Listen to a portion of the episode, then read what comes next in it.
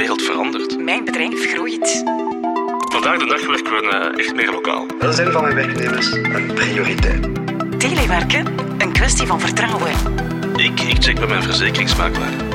Dit is Tijden Veranderen, de podcast van je verzekeringsmakelaar. Aflevering 3. De groepsverzekering. Een groepsverzekering is een collectieve verzekeringspolis die een werkgever kan aanbieden aan zijn werknemers of een categorie werknemers. Ze maakt het mogelijk om een extra legaal kapitaal op te bouwen dat zal worden gestort onder de vorm van een kapitaal of rente. In deze podcast gaan we dieper in op die groepsverzekering. We praten met Emiel Verstraeten van Vivium, met Johan van Baal van NN, met Karel Coudré van AXA, met Lucille Delpardange van Atora en Bob Bosmans van Architas en tot slot met Erik Wekers van FVF. We starten met de principes van de groepsverzekering. Dag Emiel Verstraeten. Hallo, dag Maite.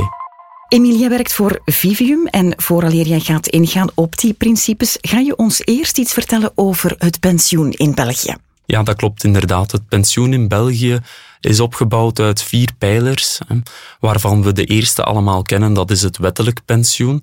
Daarnaast, eh, en dat is waarvoor dat we hier vandaag aanwezig zijn, dat is het aanvullend pensioen, georganiseerd en onderschreven via de werkgever of via de sector. En dan hebben we het over de groepsverzekering ja. uiteraard. Hè? Ja. ja. inderdaad, de groepsverzekering.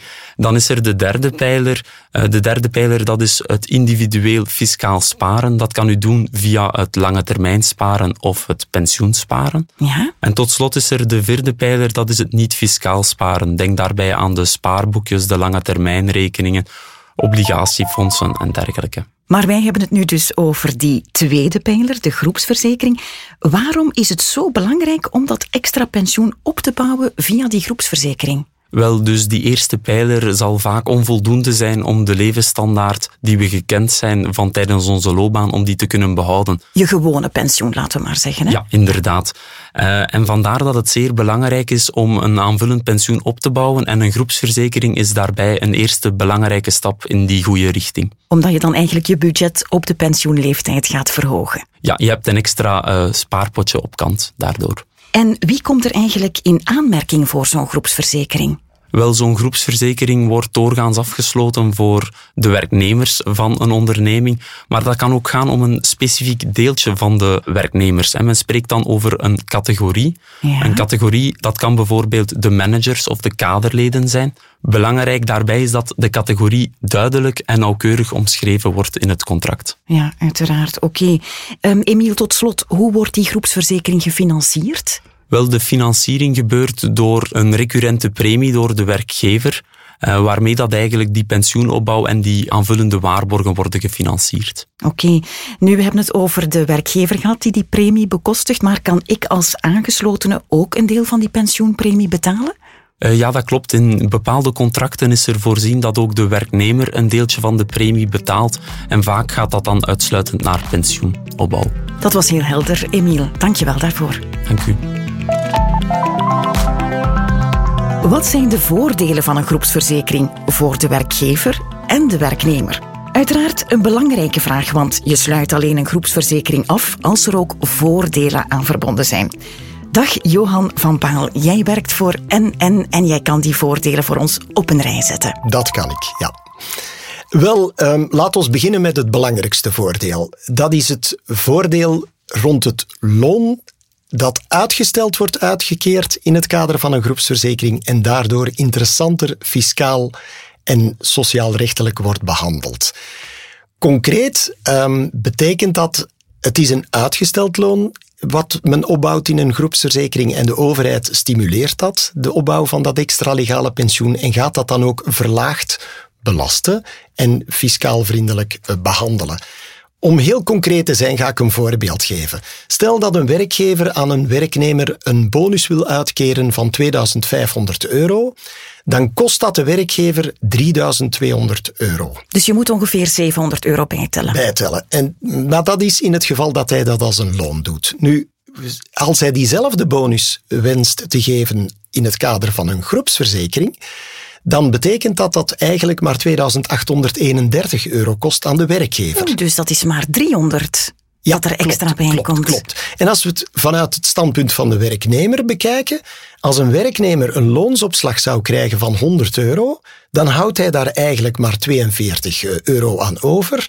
Daar waar als diezelfde loonsopslag in een groepsverzekering zou worden geïnvesteerd als premie dan, als uitgesteld loon, dan zal hij daar eigenlijk 81,61 euro aan overhouden. Dus uiteindelijk ook voor de werknemer is dat een interessante uh, operatie. Ja, want het is een verdubbeling als ik het goed begrepen effectief, heb. Effectief, Ja, en natuurlijk moeten we dan wachten omdat je zegt uitgesteld, je krijgt dat bedrag bij de pensioenleeftijd Ja, op klopt. 65 jaar.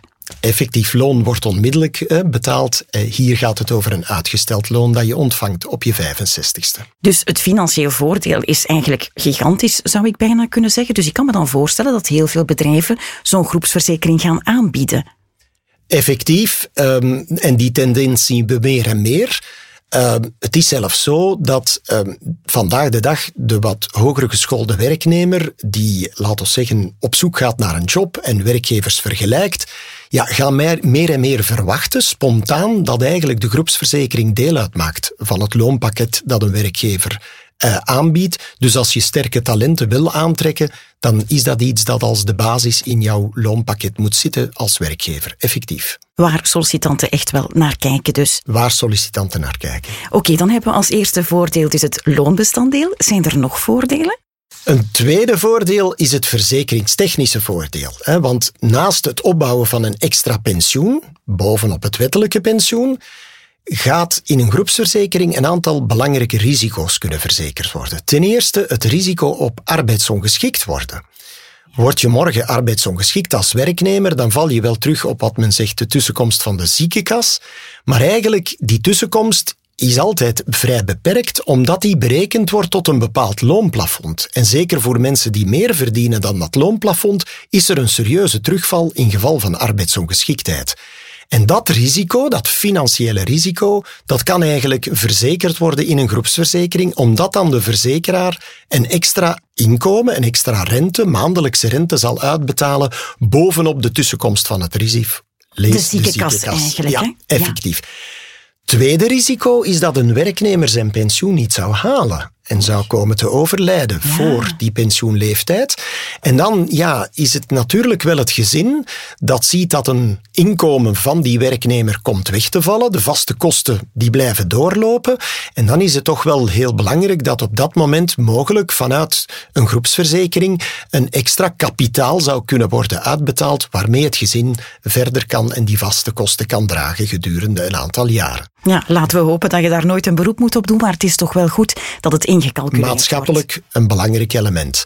Zeer zeker. Dus dat is een derde uh, voordeel. Dus invaliditeit en overlijden uh, verzekeren in het kader van een groepsverzekering. En ik dacht dat er ook een voordeel was naar uh, hypothecair krediet, klopt dat? Klopt. Van zodra dat er in een groepsverzekering eigenlijk een overlijdenskapitaal wordt verzekerd en er wordt ook een pensioen opgebouwd, ja, dan kan eigenlijk een groepsverzekering ook in pand worden gegeven voor een krediet. Um, dat weten heel veel mensen niet, maar eigenlijk, er is een overlijdensdekking verzekerd, dus die overlijdensdekking kan je in pand geven voor dat krediet.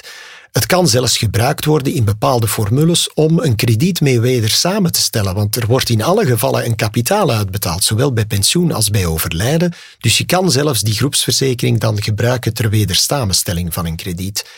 En misschien nog de meest interessante, wat heel veel werknemers niet weten, dat is, men denkt vaak, oké, okay, groepsverzekering leuk, hè, dat is fiscaal, parafiscaal interessant uh, behandeld, maar ik moet er wel op wachten tot ik met pensioen ga. Hè. Dus die leeftijd van 65? Ja, of later zelfs uh, 67, hè, want ja. de pensioenleeftijd wordt nog ja, wat opgetrokken. Ja, Het is de wettelijke pensioenleeftijd die telt uh, om juist te zijn.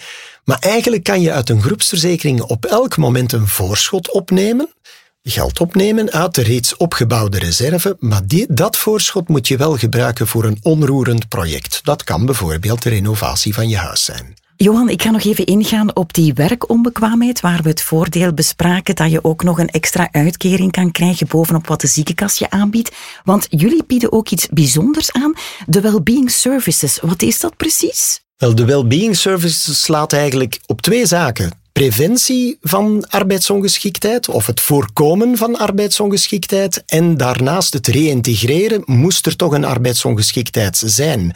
En dat doen we door samen te werken met een externe gespecialiseerde organisatie, met medici, maar ook andere specialisaties, die waarop de werknemer, maar ook zijn gezinsleden kunnen beroep doen op elk moment indien er zich een medisch of een familiaal probleem zou spelen, wat hen zou ja, op termijn ziek maken.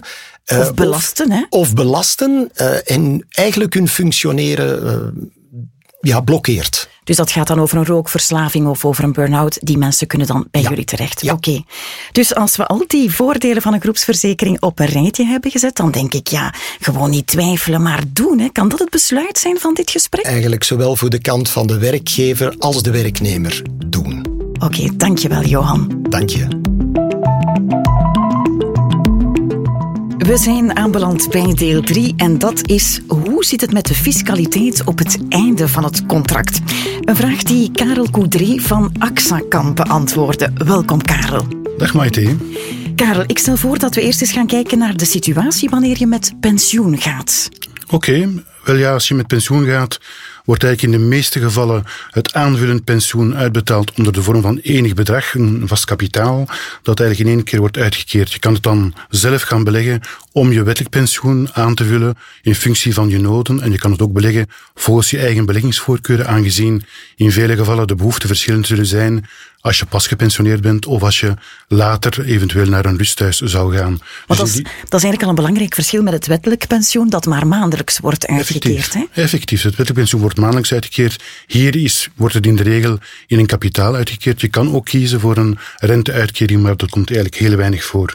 Dus wanneer je op pensioen gaat op de wettelijke pensioenleeftijd, en die bedraagt vandaag 65 jaar, die verandert nog wel, en dat is ook wel zeer nabij, want op 1 januari 2025 wordt dat 66, op 1 januari 2030 eh, wordt dat 67. Dus eigenlijk op de pensioenleeftijd, dan kunnen we eigenlijk het eenvoudige geval nemen van een kapitaal dat opgebouwd is door werkgeversbijdragen. En in de mate dat je professioneel actief bent gebleven tot de pensioenleeftijd. In dat geval is er eigenlijk een zeer voordelige taxatie van 10% die van toepassing is. Ja, want dat is weinig, hè? 10 procent. Wel ja, maar dat is ook de idee dat de wetgever wou aanvullende pensioenen stimuleren en zorgen dat mensen inderdaad bijkomend gaan sparen voor hun aanvullend pensioen. Vandaar die incentive. Um, het is ook zo dat op die belasting wordt ook nog altijd een gemeentebelasting gegeven. En dat, is, dat ken je eigenlijk van de inkomstenbelastingen, waar dat ook van toepassing is. En dat verschilt natuurlijk van gemeente tot gemeente. En daarnaast is het ook zo dat uh, van dat kapitaal, dat daar ook eigenlijk sociale bijdragen worden op ingehouden. En die variëren tussen de 3,55 en de 5,55, afhankelijk van de hoogte van het kapitaal. Maar als je dan samentelt, is het geen 10 procent, maar zal het iets van een, ik weet niet. Wel ja, gemiddeld gezien allee, komt eigenlijk, als je dat samentelt, op ongeveer een, een 15 procent uit. Ja, Wat nog altijd voordelig Wat is. nog hè? altijd voordelig is, inderdaad. Maar daarnaast moet je ook opmerken dat er andere eh, regimes zijn, afhankelijk een beetje van de situatie. Dus ik heb gezegd dat eh, dit was voor het geval van werkgeversbijdrage. Het is verschillend een beetje voor werknemersbijdrage, waar je belastingsvoet hebt van 10 procent en van 16,5. Het is ook verschillend voor in een groepsverzekering voor de, de voordelen die komen uit een winstdeelname. De winstdeelname heeft wel sociale bijdrage, maar geen taxatie. Er zijn ook andere situaties, natuurlijk als je vervroegd met pensioen gaat, waar daar ook de wetgever wil stimuleren om langer te werken. En dan is er natuurlijk het feit dat ik eh, vermeld had, dat het moet gaan over een effectief actief blijven tot de pensioenleeftijd. En dat is natuurlijk zo, als dat niet het geval is, dan val je eigenlijk terug op een belastingsvoet van 16,5% op de leeftijd van 65 jaar. Ja, want er zijn toch ook bijzondere situaties of uitzonderingen op de regel, zal ik maar zeggen? Ja, inderdaad, want ja, we weten allemaal vandaag de dag eh, aan het werk blijven tot de leeftijd van 65 jaar. Het is ook niet iedereen gegeven. Nee, dus nee, zeker niet. in die zin wordt er ook gezorgd voor een aantal behartenswaardige situaties. Bijvoorbeeld als je in de drie jaar voorafgaand aan de pensionering uh, invalide bent, bijvoorbeeld, wordt dat ook meegerekend. En ga je ook nog altijd het voordelige tarief van 10% kunnen genieten. Hetzelfde geldt als je onvrijwillig werkloos bent en ingeschreven blijft als werkzoekende.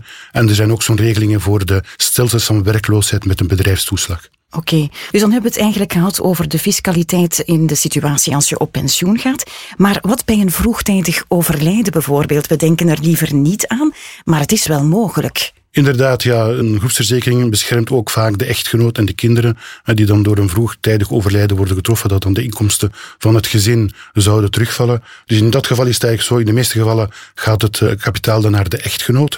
En in dat geval is het eigenlijk zo dat er eh, sociale bijdragen kunnen gegeven worden. Opnieuw diezelfde sociale bijdragen, die variëren tussen 3,55 en 5,55 in eh, functie van de hoogte van het kapitaal. Is er ook het belastingstarief van 16,5 dat van toepassing is en zijn er uiteraard ook de gemeentebelastingen verschuldigd. Daarnaast is het ook zo dat voor de echtgenoot er natuurlijk een bijzondere regeling is in het kader van de erfbelastingen. Je weet, erfbelastingen zijn regionaal georganiseerd, Vlaanderen, Wallonië, en zijn verschillend afhankelijk van de verwantheidsgraad enzovoort. Maar hier is het eigenlijk zo dat voor het kapitaal, het overlijdenskapitaal uit een groepsverzekering, dat die vrijgesteld zijn in hoofden van de echtgenoot als zij de rechthebbende is. Oké, Karel, waar ik nu nog aan denk is, uh, stel dat ik doorheen mijn werkcarrière verander van werkgever en werkgever A had een groepsverzekering, maar werkgever B niet, dus die groepsverzekering is op een bepaald moment ja, gestopt, zal ik dan maar zeggen.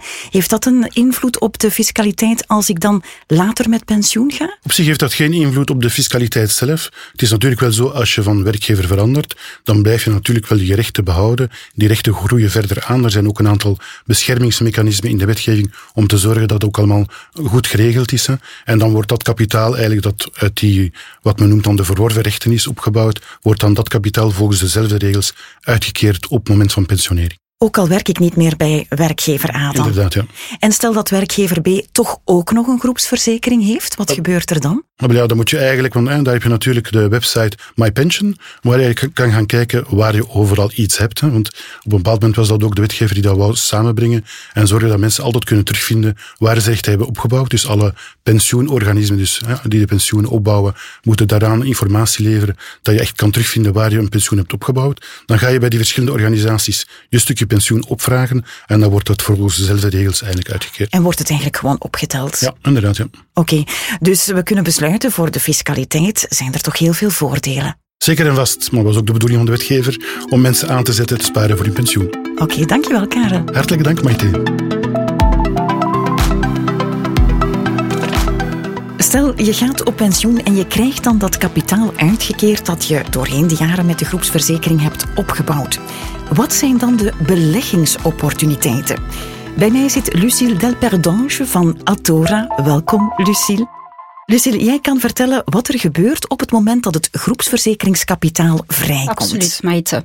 Voor je beleggingsopportuniteiten overweegt, is het belangrijk om een financiële planning op te stellen op lange termijn.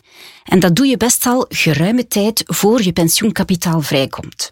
Het aanvullende pensioenkapitaal is doorgaans een mooi potje. En dan is het verleidelijk om dat bedrag meteen te gaan besteden aan een nieuwe wagen, aan een buitenverblijf of om een deel te schenken aan de kinderen.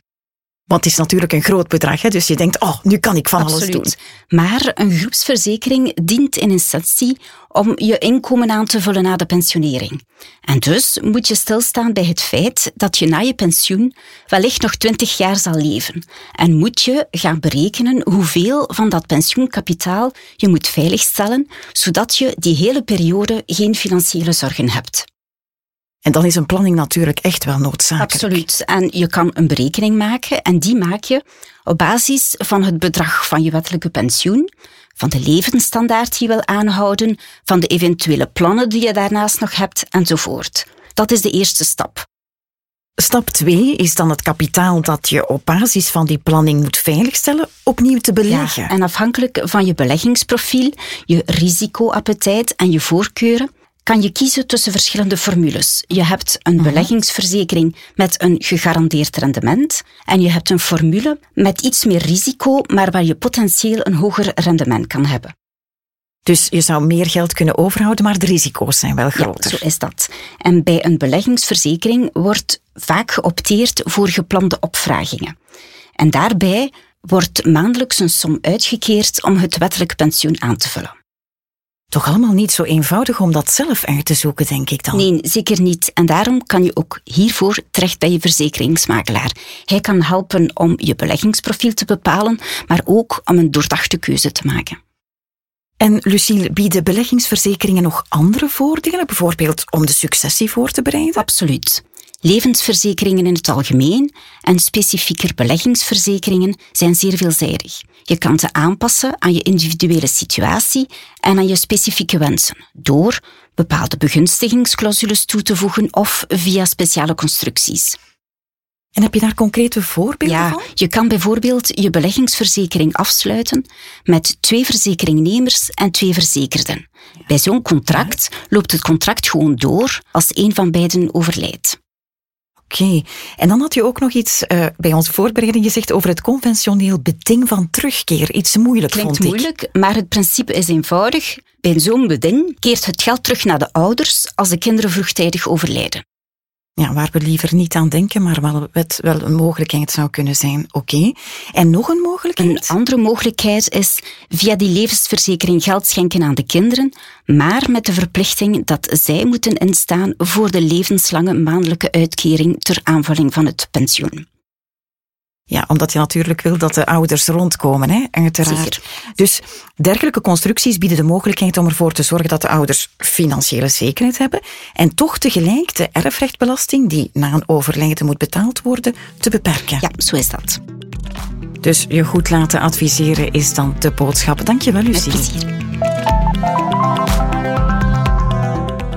We hebben net besproken dat je je vrijgekomen kapitaal kan beleggen zodra je met pensioen gaat. Maar bestaat er iets specifieks voor grote kapitalen? Bijvoorbeeld, ik heb een groepsverzekering van, laten we zeggen, 100.000 euro.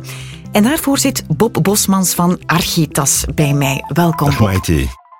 Jij kan de mogelijkheden voor ons oplijsten. Absoluut. Een mogelijkheid is het eh, discretionaire vermogensbeheer. Dat is een formule waar dat de klant eigenlijk, die weinig kennis heeft of geen tijd heeft, ons een mandaat geeft om zijn vermogen te gaan beleggen. Hij doet dat binnen een vastgesteld kader, hè, dat we samen bepalen met de klant, en dat vast- vastgelegd wordt in een contract. Je gaat het eigenlijk voor een stuk uitbesteden. Uiteraard, ja. Daar komt het op neer dat wij het vermogen van de klant gaan beheren en dat we natuurlijk op gepaste tijden gaan rapporteren naar de klant over dat beheerd Oké, en hoe gaat dat dan concreet in zijn werk? Concreet gaan wij eigenlijk starten met een, behoefteanalyse of een analyse van de noden van de klant. Aan de hand van een vragenlijst gaan we polsen naar wat is zijn expertise, zijn kennis van beleggingen, welke tijdshorizon heeft hij zich uh, voor zich bepaald, wat is zijn inkomen, zijn uitgaven, zijn totaal patrimonium. En van daaruit eigenlijk gaat er een strategie bepaald worden. En een strategie dat is eigenlijk gewoon een combinatie van aandelen, obligaties eigenlijk. In functie van die behoeften van de klant. Uh, en zo wordt er een portefeuille samengesteld voor de klant die echt past bij zijn specifieke noden en behoeften. Dus echt individueel afgestemd, zullen we maar zeggen. Uh, wat zijn de specifieke voordelen? De voordelen voor de klant is eigenlijk dat hij op deze manier een juist koppel risico-rendement gaat hebben in zijn beleggingen. Uh, die specifiek afgestemd zijn op die behoeften. En dat er ook een heel ruime uh, risicospreiding in die portefeuille wordt aangelegd voor de klant. Dat is eigenlijk het belangrijkste. Specifiek voor ons is het feit dat wij geloven in het multimanagementprincipe. Dus dat we ervan overtuigd zijn dat als beheerder zijnde, dat je niet in alle deeldomeinen de beste kan zijn. Vandaar dat wij gaan zoeken naar de expertises in die verschillende domeinen en dat brengen we dan samen in een coherente portefeuille voor de klant. Ik denk ook dat jullie een stuk objectiever zijn dan wanneer ik het zou doen, subjectief dan, want ik zou mij bijvoorbeeld laten leiden door mijn emoties. En dat is niet zo positief. Dat is een gevaar inderdaad. Dat is een klassieker uh, dat je kan bemerken in bepaalde periodes. Hè. Denken we aan vorig jaar, waar dat de markten toch een heel moeilijk parcours hebben afgelegd en dat de klant bijvoorbeeld in paniek zijn beleggingen zou verkopen op een heel laag moment. Het risico is dat hij dan te lang wacht om terug in te stappen en zo eigenlijk het herstel op de markten compleet mist. Dus het is inderdaad zo, Maite, dat het uh, heel belangrijk is als beheerder om die emoties zowel naar beneden als naar boven toe zoveel mogelijk uit te sluiten in je beleggingsproces. En dat is juist ook een toegevoegde waarde van een vermogensbeheerder. Ja, zeg, en zo'n vermogensbeheer, ik dacht dat dat klassiek een bankaire oplossing was. Wel, uh, omdat wij voornamelijk werken met de makelaar, hè, die u als klant bij ons kan introduceren, hebben we ervoor gezorgd dat de makelaar eigenlijk op twee manieren met ons kan samenwerken. Hij kan aan, uh, als aanbrenger fungeren, maar hij kan ook als makelaar werken met ons. En dan kan de makelaar zijn rol, klassieke rol als makelaar, perfect uitvoeren voor u als klant. Dus hier heeft de makelaar ook weer een grote meerwaarde. Absoluut, wij zouden nooit uh, kunnen groeien zonder de makelaar. Dankjewel Bob. Uh, als je dit gesprek zou mogen samenvatten, wat moeten we dan vooral onthouden? De toegevoegde waarde van discretionair beheer is vooral de grote risicospreiding die we kunnen brengen voor de klant. Het beheren van die emoties, zoals u terecht gesteld hebt. En uiteraard de prachtige samenwerking die we kunnen hebben met de makelaar die u als klant bij ons kan introduceren. Prima Bob, dankjewel, dankjewel daarvoor. Maite. We hebben intussen gehoord wat die groepsverzekering allemaal doet en kan betekenen voor werkgever en werknemer. Bij mij zit tot slot Erik Wekers, CEO van de Federatie voor Verzekerings- en Financiële Tussenpersonen. Erik, vat jij nog eens samen wat de troeven van een groepsverzekering zijn? Dag Maite, met veel plezier. Het is jou inderdaad opgevallen dat er heel wat komt kijken bij die groepsverzekering. Ja. Ja, dat mag je wel zeggen. Ze zorgt enerzijds voor een, een fiscaal vriendelijke verloning tijdens de loopbaan van werknemers. En tegelijkertijd voorziet ze ook voor die werknemers in een aantal voorzorgsmaatregelen, bijvoorbeeld bij ziekte, invaliditeit en overlijden. De spaarreserves in de groepsverzekering die kunnen ingezet worden voor de financiering van vastgoed. Dus heel wat voordelen. Heel wat voordelen. En op de vervaldag dan finaal komt er een, een fiscaal vriendelijk pakket aan gelden vrij en zijn er weer een tal van mogelijkheden om daarmee te gaan rentenieren of om die som opnieuw te beleggen en verder te laten groeien. Ja, best een complexe verzekeringsformule met twee betrokkenen, de werkgever en de werknemer. Welke rol speelt de verzekeringsmakelaar in dat toch wel mooie project? Ja, de hulp van een verzekeringsmakelaar, van een professionele verzekeringsmakelaar, is hier onontbeerlijk. Want die verzekeringsmakelaar die kent de fiscaliteit die daarbij hoort. Hij weet hoe alle aspecten van die groepsverzekering juridisch correct geregeld moeten worden. En hij zal ook zorgen voor de gepaste rendabele belegging die een onderdeel uitmaakt van die groepsverzekering. De verzekeringsmakelaar zal de werkgever begeleiden bij de keuze van de formule, bijvoorbeeld hoe worden de gespaarde sommen belegd? Of nog van welke aanvullende dekkingen gaan we voorzien voor die werknemer? Of welke bedragen mogen er in het contract worden gestort op een fiscaal vriendelijke manier? Ja, want als leek weet je dat natuurlijk niet. En de makelaar is daar wel van op de Dat is het net. En aan de werknemer zelf zal de makelaar de volledige uitleg geven, zodat hij alle voordelen van de groepsverzekering goed kent en er optimaal gebruik van kan maken. Bijvoorbeeld? Ja, bijvoorbeeld als hij overgaat tot een, het aankoop van vastgoed of het uitvoeren van verbouwingen met de fondsen uit de groepsverzekering, dan komen daar heel wat specifieke formaliteiten bij kijken. Of bij opname, laten we maar denken aan de pensionering, dan zal de makelaar de werknemer verder begeleiden om de belegging verder te zetten of om die om te vormen in een renteniersplan bijvoorbeeld.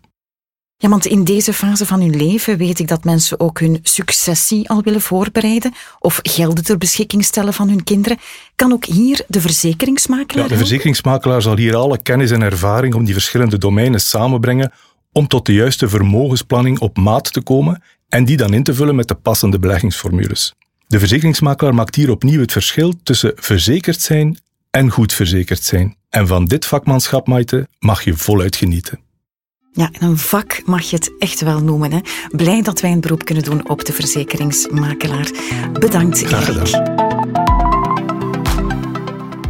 Dit was de derde aflevering van Tijden Veranderen.